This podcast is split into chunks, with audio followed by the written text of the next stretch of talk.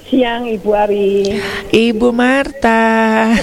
Ibu Marta saya bapak, Oh, Bu. Bapak ya. Aduh Ibu Marta, ini suaranya tuh bener-bener kayak vaksin booster begitu ya. Gini Bu, ini Mhm.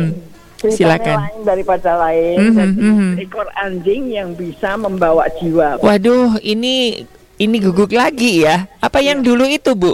Beda lagi. Bukan beda. Hmm, silakan Ibu Marta. Jadi kebetulan yang punya anjing ini meninggal ibunya. Hmm. Tapi dia rajin Bu, datang ke gereja itu cari ibu itu. Mungkin kena anjing kan nggak punya perasaan. Mhm. Ibunya anjing ya yang meninggal atau ibunya yang Nah, Mm-hmm. pemilik? ibu ibunya yang pelihara anjingnya Oh, iya. Ya. Nah, kebetulan si suaminya itu belum Kristen, belum apa. Mhm, mhm. Tapi dia curiga gitu. Ini anjing minggu kok pergi aja kemana ya? dia ikuti dari belakang. Mhm. Akhirnya dia duduk. Dia dengar lagu-lagu rohani.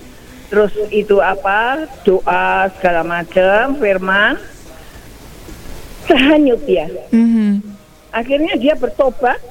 Dan anjing ini membawa jiwa majikan laki ini. Bu. Puji Tuhan luar biasa ya. luar biasa ini Bu, Mhm, luar biasa iya, jadi iya. ini perlu digarisbawahi gitu Mhm, mhm. ya Jadi harus malu ya Bu ya kita ya Bu ya.